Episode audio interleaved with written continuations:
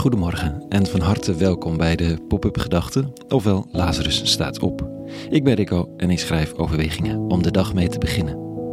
Vandaag met de titel Inshallah.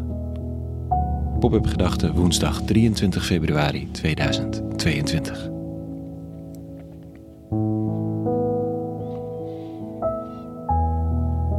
Mijn Arabisch is op zijn minst een beetje roestig, maar inshallah ken ik nog net. Zo God wil, zegt de devote of minder devote moslim. Soms als stopwoordje, soms met de meest intense hoop. Oh, en ook de Arabische christen trouwens. Het is het Deo volente, maar dan in de lingua franca van het Midden-Oosten. Thuis was het goede gewoonte om dat overal bij te vermelden. Deo volente, want wist jij veel wat er zou gebeuren? Elk voornemen moest eigenlijk vergezeld gaan van een zo de Heere wil. Dus zo de Heere wil en wij leven, komen we dan en dan bij elkaar om de verjaardag te vieren van die en die. Dat is dan de tekst voor de meer formele uitnodiging. Soms wordt er op een appje gereageerd met: Wij zijn erbij, DV. Deo Volente, inshallah. En op een gegeven moment voelt dat bijna overdreven. Je kunt je de hele tijd wel afvragen of de Heere het allemaal wil. Maar wat schiet je ermee op? Je doet er gewoon een voornemen, je maakt plannen en als de Heer het niet wil, merk je het wel. Daarbij kan het ook nog zijn dat Allah, God of de Heer het wel wil, maar dat iemand anders er een stokje voor steekt, toch? Ik wie gisteravond naar het Leidseplein wilde om een iPhone te kopen, om daar DV een iPhone te kopen, is dat misschien een godslastelijke toevoeging van DV, want verdraagt de, de totaal overgewaardeerde, in ellendige omstandigheden gecreëerde telefoon zich wel met de godsnaam? Dan nog, die kwam er gisteravond niet in. En het gaat wel een beetje ver om gisteravonds ellendige gijzeling dan op het konto van de eeuwige te schrijven om te voorkomen dat jij die telefoon ging fixen. Waar komt het vandaan? DV. In de christelijke traditie uit deze tekst, een stukje uit de brief van Jacobus. Dit staat er. Broeders en zusters. U die zegt, vandaag of morgen gaan wij naar die en die stad, we zullen er een jaar doorbrengen en handel drijven en geld verdienen. U weet niet eens wat de dag van morgen zal brengen. Wat is uw leven? Een nevel die een ogenblik verschijnt om weldra te verdwijnen. U zou moeten zeggen, als de Heer het wil, zullen wij in leven zijn en dit of dat doen. In plaats daarvan bluft en snoeft u vol overmoed.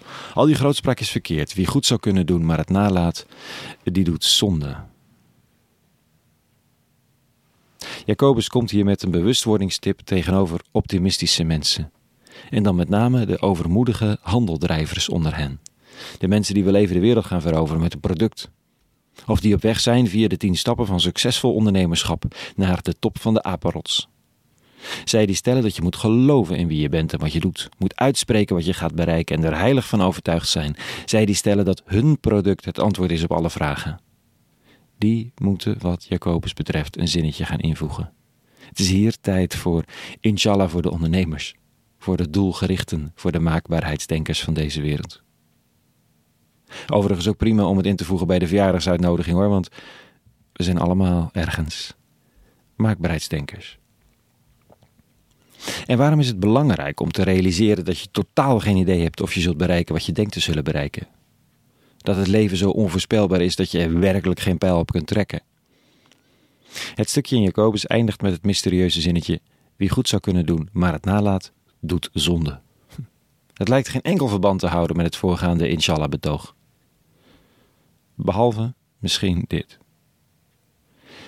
Wie alleen maar de stralende horizon in het oog heeft, vergeet de wereld om zich heen. Wie de telefoonmarkt wil veroveren met het nieuwste model, kan niet al te veel rekening houden met degene die de grondstoffen uit de aarde moeten halen. Je zou iets goeds voor hen kunnen doen, maar je laat het na, want de winst, de toekomst, de stralende horizon, daar ben je naar heen op weg. Dat is zonde, zegt Jacobus dan. Inshallah is niet alleen voor de vrome. Het is voor degenen die zich willen oefenen in het heen en weer kijken tussen de horizon en de wereld direct om hen heen. En als het maar de vraag is of je de horizon gaat halen, want wie weet of je er dan überhaupt nog bent, krijgt wat meer ruimte om links en rechts te doen wat goed is. Want daar ben je wel. En daar ben je nodig. Deo volente dus maar weer. Opdat we niet het heden offeren aan een toekomst op losse schroeven, maar vandaag leven in liefde en aandacht. Tot zover de pop-up gedachten van vandaag. Een hele goede, liefdevolle woensdag gewenst. En vrede.